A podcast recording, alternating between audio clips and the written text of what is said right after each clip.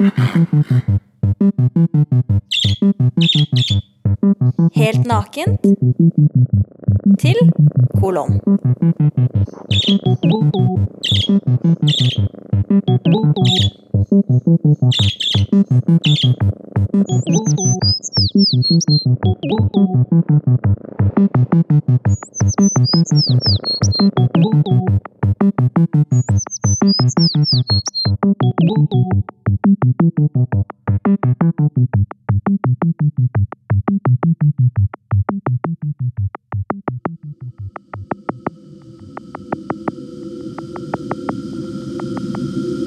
Nummer to.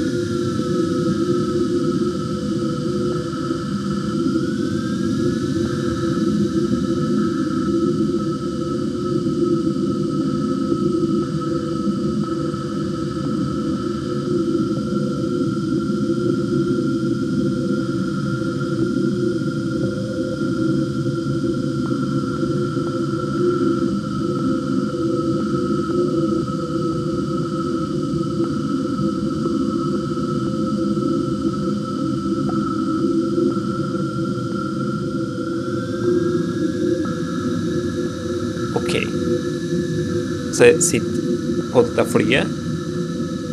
Jeg har akkurat reist fra et land som ligger i en annen verdensdel. Andre sida av kloda.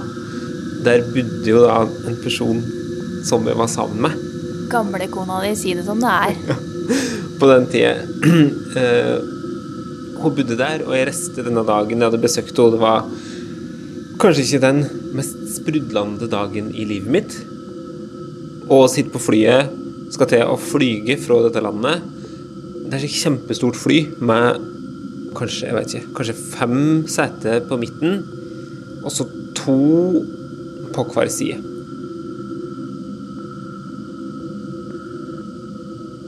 Var det flere etasjer? Mulig at det var flere etasjer. Jeg, satt, jeg har aldri sittet i andre etasje. Så jeg satt i hvert fall nede. Når du sier det, f- faktisk så det kan hende at det var flere etasjer på dette flyet.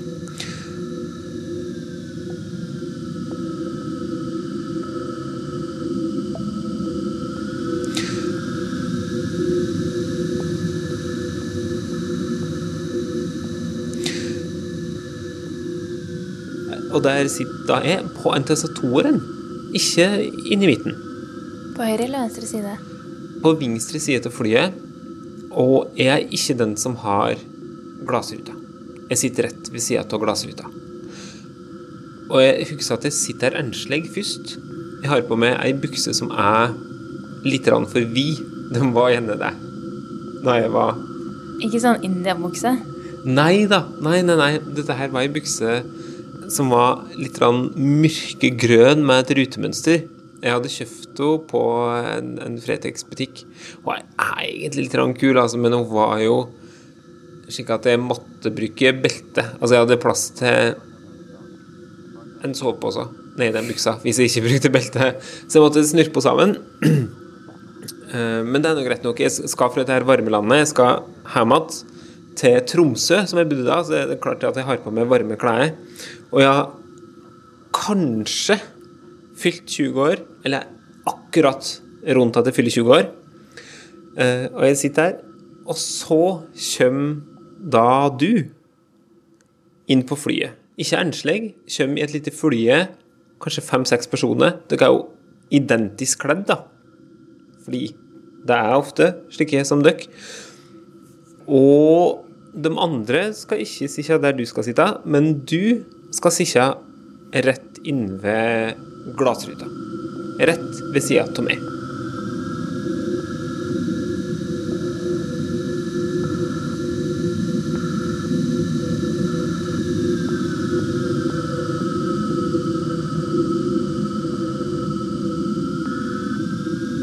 Jeg er ikke i mitt lystigste hjørne, men høflig innstilt, så jeg er jo ikke redd for å prate. Gråt du? Ikke sikker på det. Jeg husker, Det hadde nok du lagt merke til hvis jeg gjorde det. Eh, Så jeg tror ikke at jeg gret, men jeg hadde sikkert en viss klump i halsen. Og så spør jeg litt om eh, Kanskje du egentlig som begynner å prate, tror jeg. Du var ganske skravlete. Du spør jo da hva jeg har gjort i dette landet, som du kommer fra, faktisk, viser det seg. Sjøl om Er det en grunn til at eh, du ikke sier hvilket land det er? jeg tenker at denne her personen skal få være mest mulig anonymisert. Ja, for det er jo to personer fra det landet, det glemte jeg. Ja, men det, det kan jo være så mange land på andre sida av kloda.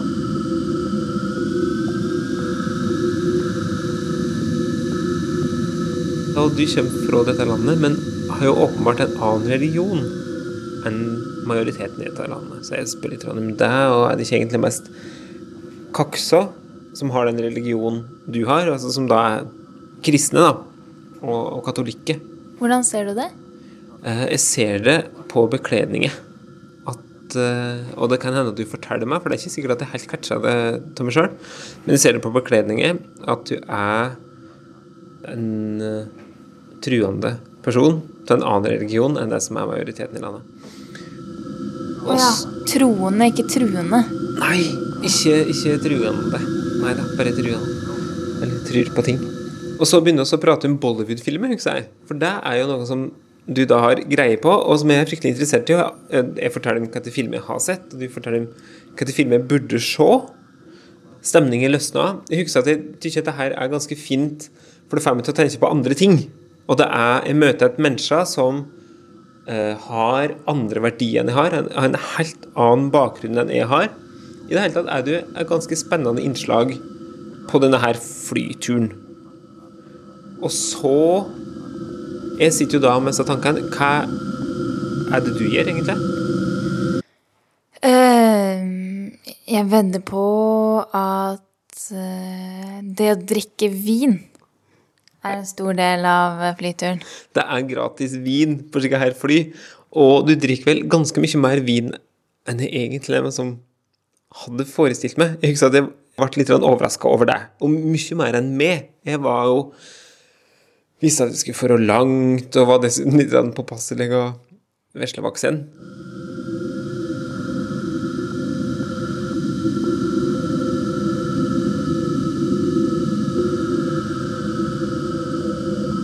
Du var vel veldig tynn på den tida også. Jeg var sikkert kjempetynn. Folk trodde sikkert at jeg hadde spiseforstyrrelser, akkurat som de har gjort til alle tider eh, etter at jeg kom i tenåret. Men det hadde nok ikke, av altså. Men jeg drakk nok mer tomatjus, og du drakk vin. Glass etter glass med vin. Og så prata om Bollywood-film, ja. Og så prata vi nok litt om religion, tror jeg. For eh, det var jeg ganske negativt innstilt innstilte. Så det var på en måte det motsatte til Bollywood-filmer. Og så husker egentlig ikke helt hvorfor. Men jeg fikk e-postadressa di, og du fikk antagelig mi. Og da vi mellomlanda, så gikk du ut med denne vesle gjengen din. Og jeg tenkte nok at dette var et koselig møte på et fly en gang midt på vinteren, og at det skulle være deg. Så gikk oss hvert til vårt, og skulle videre til hvert vårt land.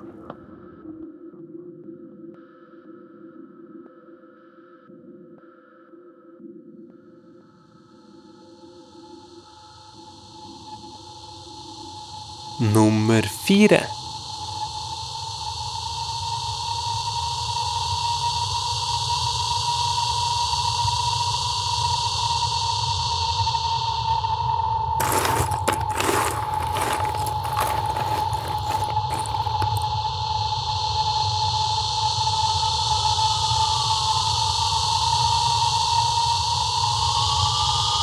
Tine sitter og pusler puslespill. den mest harmoniske tilstanden å intervjue Tine Du, hva skulle ha skjedd før du gikk i kloster? Eh, Da skulle alle jeg kjenner, ha blitt drept, og så skulle en annen ideologi ha tatt over samfunnet, og jeg ikke hadde orket å leve det, men ikke orka å dø. Da skulle jeg gått til kloster. Det hadde ikke vært noe interessant å være på utsiden.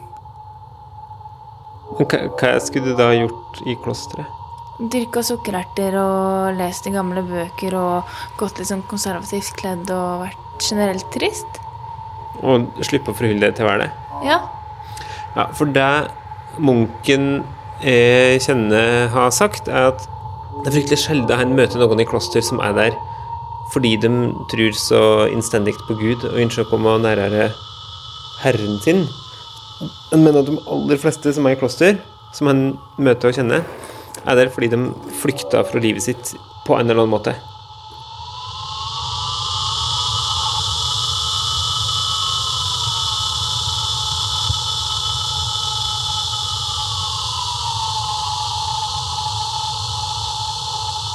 Hadde du noen gang ønsket å flykte, flykte livet og stikke til kloster? Eh, ja, en gang eh, da jeg gjorde noe veldig, veldig, veldig dumt da jeg var 14 år. Kanskje jeg var 15. Da vurderte jeg ganske sterkt egentlig om jeg burde bare forlate verden slik jeg kjenner den, og gjøre noe drastisk. Nå lurer jeg jo fryktelig på hva som skjedde. Det får bli en annen episode.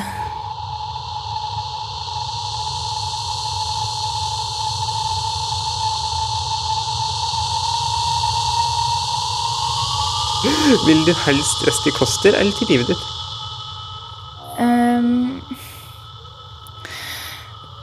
det uh, Altså Det jeg tenker sånn generelt i mitt liv, at jeg liker godt når jeg får Når det skjer eller annet, jeg må forholde meg til det, enn å ta avgjørelser selv. Det å ta livet mitt ville vært en avgjørelse jeg tok så fryktelig selv. Men det å på en måte forholde meg til noe som er kjipt, og så prøve å gjøre det beste ut av det, så jeg ville nok kanskje valgt kloster. Hvis det hadde vært dritkjipt i kloster, så hadde jeg sikkert tatt livet mitt, da. Ja, for du skjønner at du da må, du må be fryktelig mye og lære alskens bibeltekster og tekster om bibeltekster. Ja, men når man gjør noe man gjør mange ganger, så klarer man å gjøre andre ting og tenke på andre ting samtidig. ikke sant? Jeg tenker sånn, Når de ber, så er det ingen som hører hva de sier. Så da kan man jo bare tenke på andre ting. Tror du det hadde holdt ut i kloster uten å tro på Gud? Eh, ja. Vet ikke. Aner ikke. Tror du? Nei, jeg vet ikke om jeg hadde orka. Munken min tror på Gud, da. Og jeg vet ikke hvor mye av det daglige livet som har å tro på Gud. F.eks. de klostrene jeg vet om i Norge. Der, eh, der danser de jo macarena. Og der eh, gjør de sånn samfunnsting, da, ikke sant. Og, og man gjør ting og, og er god borger på en måte òg. Så kan man både dyrke ert og danse macarena. Jeg har dansa macarena med nonner. Oi! Få høre. Jeg kjenner en del katolikker, og da danser vi macarena en kommunion. Wow.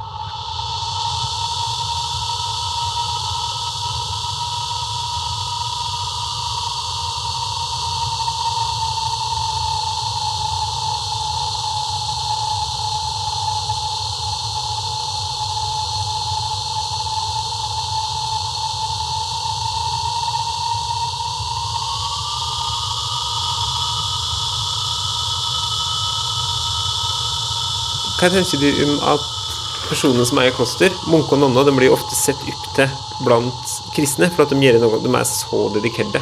Hva tenker du om at det da finnes slike her som munken jeg kjenner, da, som egentlig er der for helt andre grunner, og fordi han frykter mange av den typen? Nei, det jeg tror, er at eh, de som er veldig religiøse, er innforstått med at det er en god grunn til at man går i kloster. Og at man velger å på en måte prøve det beste ut av den grunnen man er der for. Og anerkjenne at sånn er jeg, men jeg lever det ikke ut, eller Tenker jeg, da. Mm. At det finnes en Erlend, og du gifta deg med Simon Dere. Jeg kan ikke den referansen. Klassisk Kristin Lavransdatter. Ja, den kan jeg.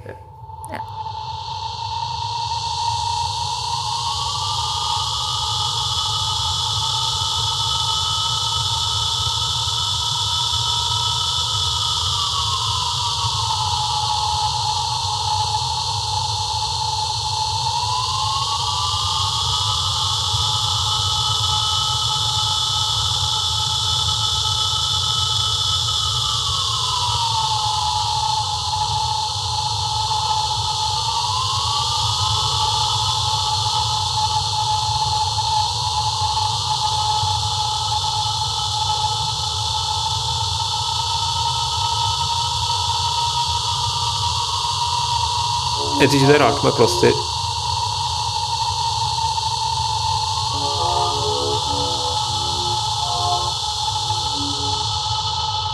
At en har den forestillingen om at Gud blir mer glad hvis jeg isolerer meg fra omverdenen og bare tenker på Gud, enn Gud blir hvis jeg er i samfunnet og gjør det beste for dem rundt meg.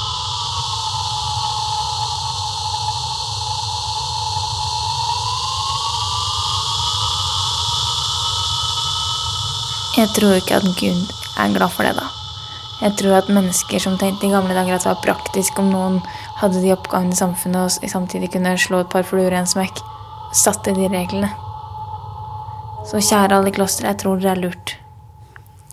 Ja, men jeg tror det er lurt. Jeg er med.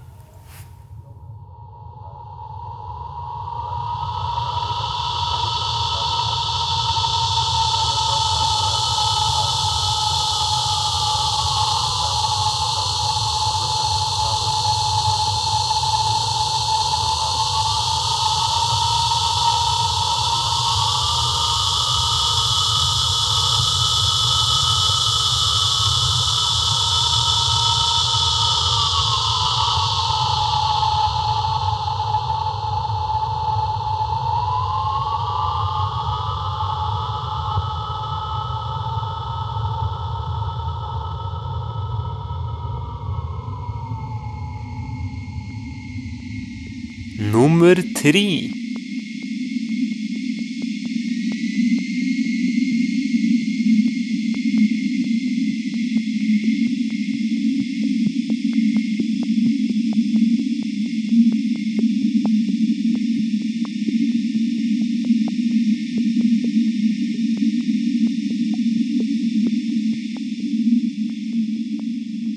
Men en e-post kom det jo sjølsagt.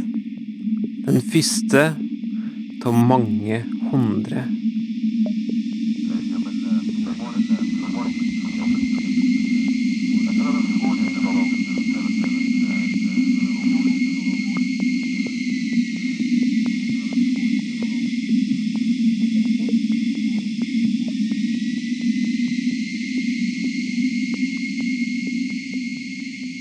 Hei, gikk turen hjem fint? Håpa det. Min gikk fint,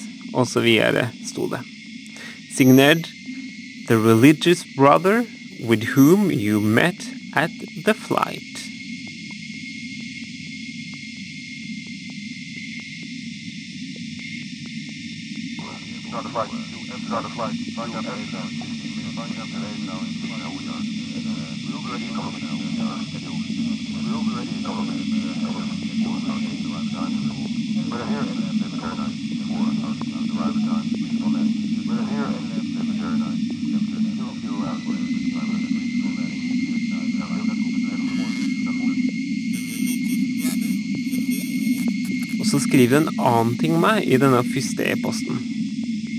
Du skriver at du sakna foreldrene dine, som du da hadde møtt da du var hjemme i hjemlandet ditt.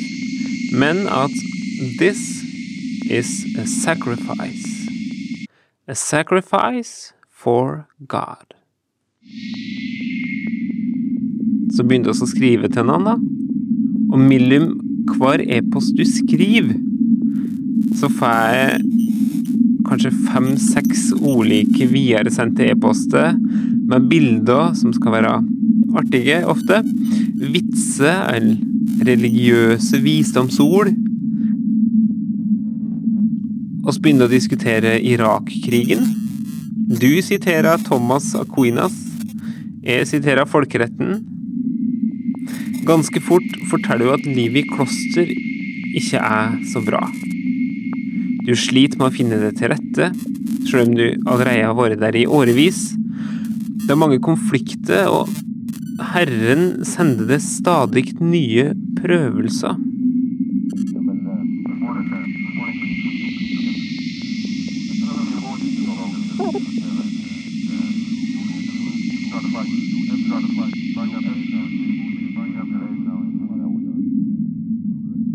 Jeg skriver ting som at du er en flott person, og ikke må bruke opp livet ditt på å være i et kloster med folk som behandler deg dårlig, og med en ondetrykkende religion. Og du skriver ting som at du er glad jeg hadde en fin fest, men at du må passe på å ikke åpne dørene som kan slippe synd inn i livet mitt. Antagelig rista oss på hugget i hvert vårt land.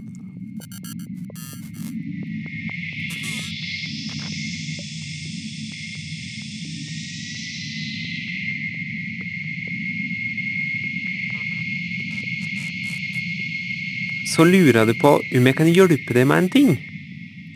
Du er jo glad til å se film.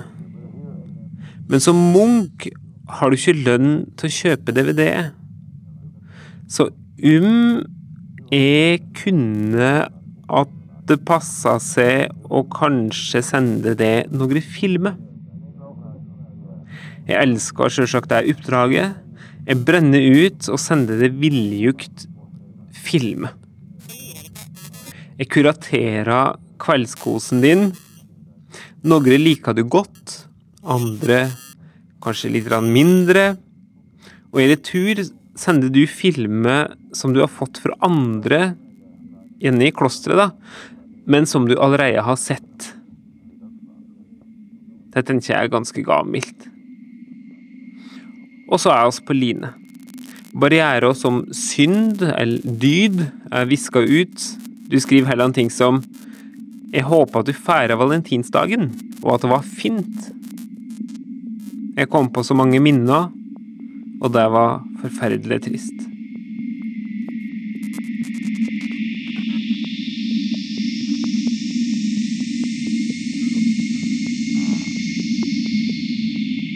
Og jeg skriver ting som Oi, gratulerer med nytt skjegg.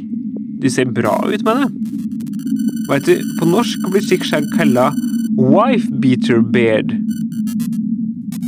Det utvikla seg en varme og et vennskap. Kanskje fordi oss uansett satt med så ulike verdigrunnlag at vi ikke gadd å skulle dømme annen eller prøve å påvirke. Jeg var i gamlelandet ditt en gang og besøkte foreldrene dine. Stolte foreldre med en gudfryktig sånn.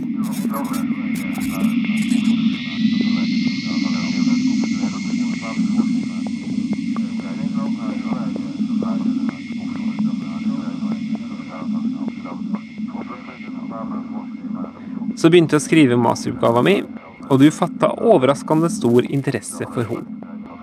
Spurte stadig om detaljer, om hva jeg hadde sett folk gjøre, om hvordan det fikk meg til å reagere. Tine, hva kan du fortelle om masteroppgava min? At den handler om pornografiens framvekst i Russland etter Sovjets fall. Stemmer det? Kjempebra. Kan jeg si noe mer? At uh, i tillegg til at det er mye tekst, så er det også en del bilder av folk med kjønnsorgan i munnen og med brudekjole og mange mennesker som på samme gang uh, legger sammen. Litt sånn Jeg ville kanskje ikke vist den til bestemora mi. Er det greit hvis jeg gjør det? Du viser den til bestemora mi? Nei. Men jeg tror du gjerne ville sett henne, munken min. Slik for det vitenskapelige, da, sjølsagt. Og det er så mange hundre e-poster som har svinga seg mellom datamaskinene våre. Jeg er så takknemlig for dem at du antagelig ville sagt det var frelse jeg føler.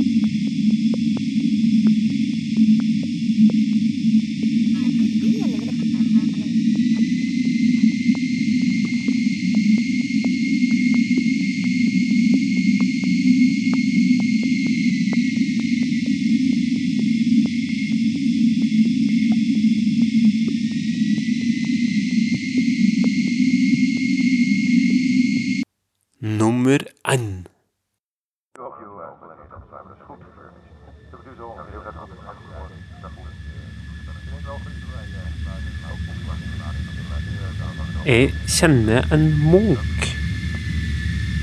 Gjør du?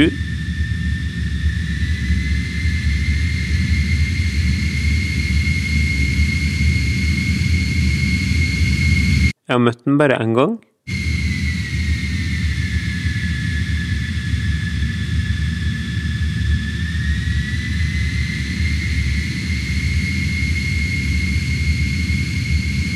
Han er en katolsk munk.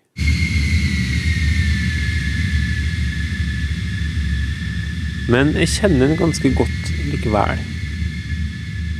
Så godt at jeg en dag dumpa en e-post inn i innboksen min.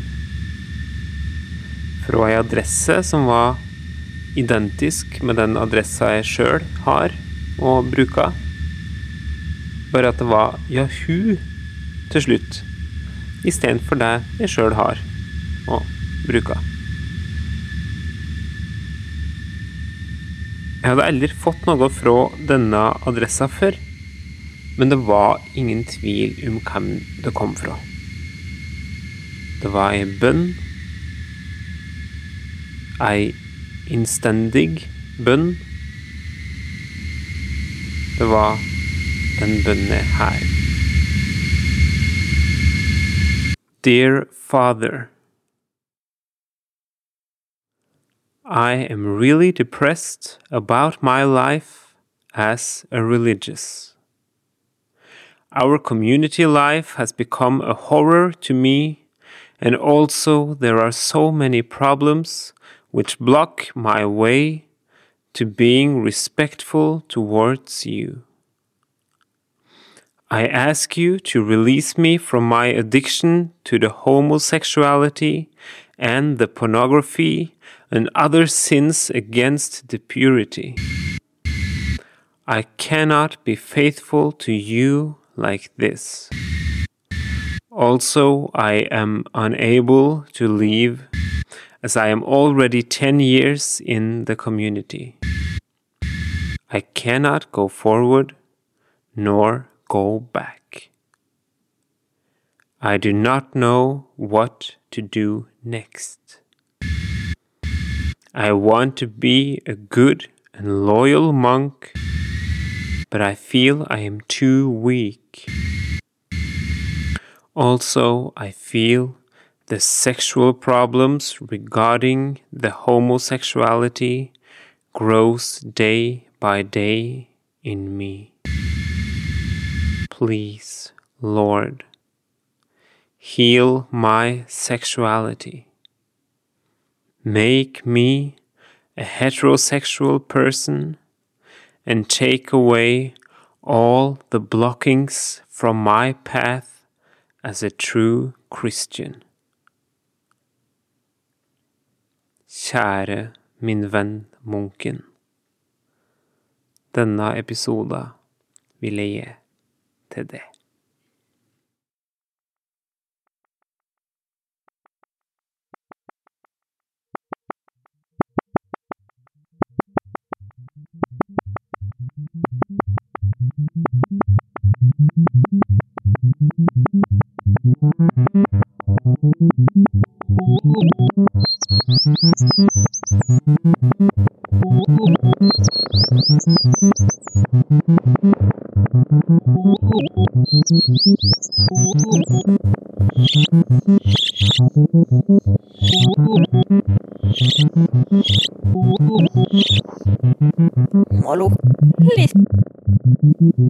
Pantley.